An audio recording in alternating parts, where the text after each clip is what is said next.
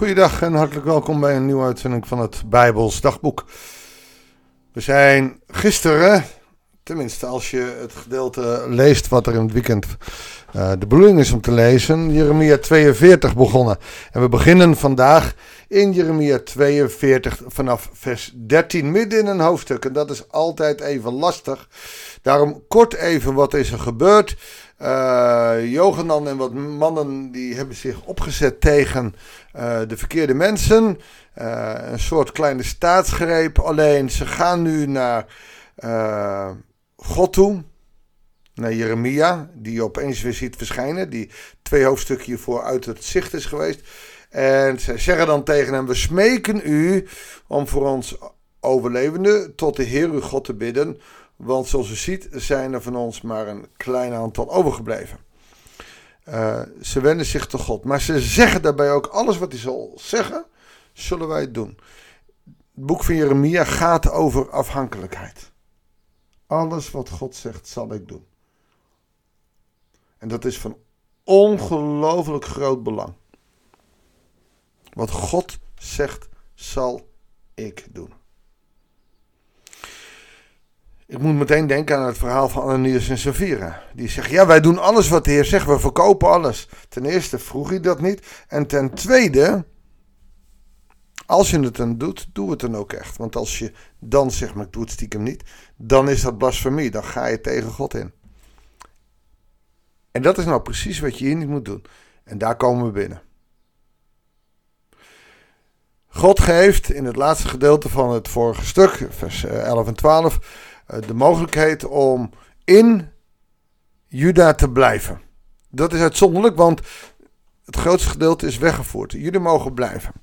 En dan zal ik jullie zegenen. Maar, en daar komt het. Maar als jullie zeggen, we blijven niet in het land, vers 13. Als jullie de Heer, jullie God, niet gehoorzamen, maar zeggen, wij gaan toch naar Egypte. Want Egypte was de uitvalbasis, want de Egypte was niet overvallen door... Uh, de Babyloniërs. Egypte was wel op weg geweest, maar die heeft God weer teruggestuurd. Dus Egypte is hier uh, weer de uitvalbasis. Dat is natuurlijk vaker. Abraham is ook naar Egypte gegaan.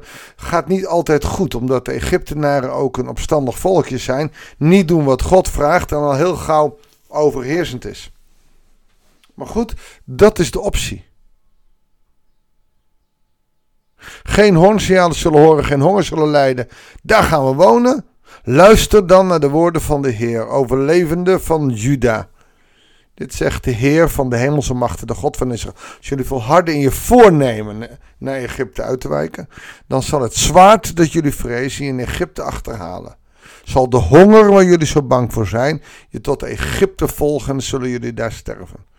Iedereen die bij zijn voornemen blijft om naar Egypte uit te wijken, zal sterven door het zwaard, de honger en de pest. En waar denk je dan meteen aan? Dan denk je meteen aan de tien plagen. En die worden altijd geassocieerd met Egypte. Omdat dat niet zomaar een plaats is, dat is ook een plaats die ja, wat goddeloos en, wat godloos. Je kan daar wel heen vluchten. Het kan wel veilig zijn. Maar alleen als God je stuurt. Zoals Jozef daarheen ging. Om uiteindelijk het volk daar weer vandaan te halen. Niemand zal het onheil waarmee ik hen tref overleven of het kunnen ontvluchten. Zelfs niet als je bloed aan de muur doet.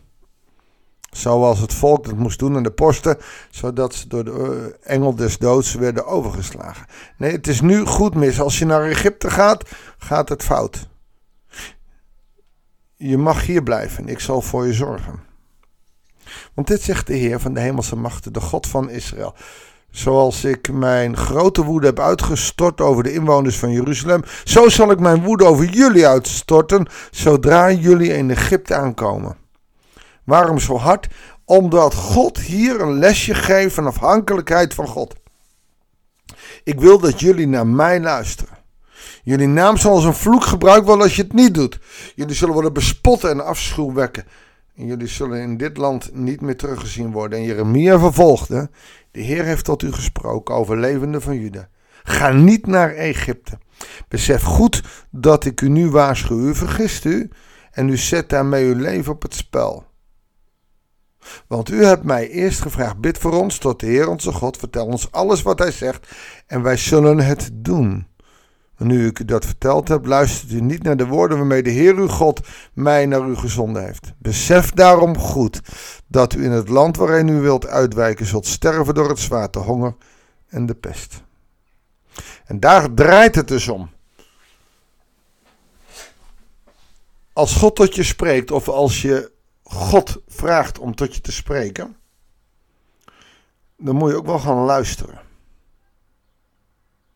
Want het is van immens groot belang om God serieus te nemen. En serieus nemen van God, dat doe je met je hart, niet met je mond. Het uiterlijke schijn doet er niet toe bij God. Hij ziet je hart aan. Ga je luisteren? Ben je iemand die luistert naar God? Wil luisteren? Wil je zijn wil doen? Zijn wil is te vinden in de Bijbel. Zowel Oude Testament als Nieuwe Testament. is gehoorzaamheid, is ontzag, is liefde voor God. Door liefde voor de Zoon te hebben, Jezus Christus, die voor jou gekruisigd is. Dus de schuld en, en je verdriet, je pijn en moeite op zich genomen heeft. Dat betekent niet dat je denkt, nou ja, nou geloof ik dat, dus dat is goed. Dat betekent dat je moet proberen niet meer te zondigen. Je pijn en je moeite in het kruis te laten. Dat kan niet als het te vers is. Maar probeer, probeer het onder het kruis te leggen. En ik je kan het, want heel veel mensen kunnen het. Heel veel mensen die helemaal niet zo sterk denken te zijn, die kunnen het. En jij kan het ook.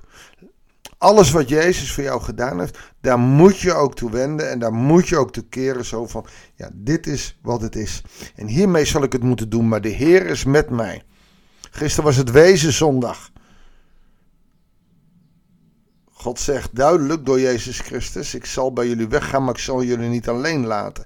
Ik laat jullie de trooster, de vertrouwde, die laat ik jullie achter. Die zal bij je blijven. Dus ook als jij midden in verdriet, pijn en moeite zit.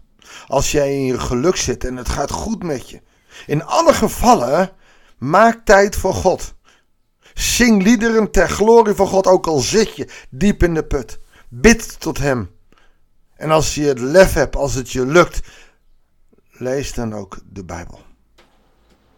Want het is deze God die in alle situaties er voor jou blijft. En dan hoef je niet altijd happy clappy te zijn met, met God. Dan hoef je niet altijd gelukkig te zijn in je geloof. Maar hij blijft wel bij je. Dat heeft hij beloofd toen hij naar de hemel ging. Dat heeft hij altijd met alle gelovigen gedaan. Dus waarom niet met jou? Of ga je nu opeens fatalistisch denken? Ja, iedereen, behalve met mij. Nee, ook met jou. Komt alle tot mij en ik zal je rust geven. Stel je verwachtingen niet te hoog. Maar alleen de nabijheid van God is al genoeg. Of zoals Paulus, als hij zegt: Ja, maar ik heb toch die doorn in mijn vlees. Nou zegt God, nu om mijn genade heb jij genoeg van. Weet dat God bij is. Weet dat je in hem een toekomst hebt. En dat je dat kan troosten. Dat je dat kan opbouwen. En dat dat van nu al opbouwend is. Midden in je verdriet, je pijn, je moeite en je ellende. Midden in je tijd van nu. Midden in de tijd waarin corona dan voorbij mag zijn. Maar er een oorlog woedt. Midden in de tijd waar mensen kanker krijgen in het ziekenhuis liggen. Midden in de tijd waar mensen anderen moeten begraven. Midden in die tijd met mensen die psychische nood hebben. Midden in die tijd die, eh, dat het lijkt of het kwaad de aanval op deze wereld doet. Midden in die tijd is God dicht bij je. En Hij wil jou behoeden voor al het verkeerde. Maar dan zal je Hem moeten volgen. Lees je Bijbel. Bid elke dag dat je groeien mag in dat wat Hij van je wil.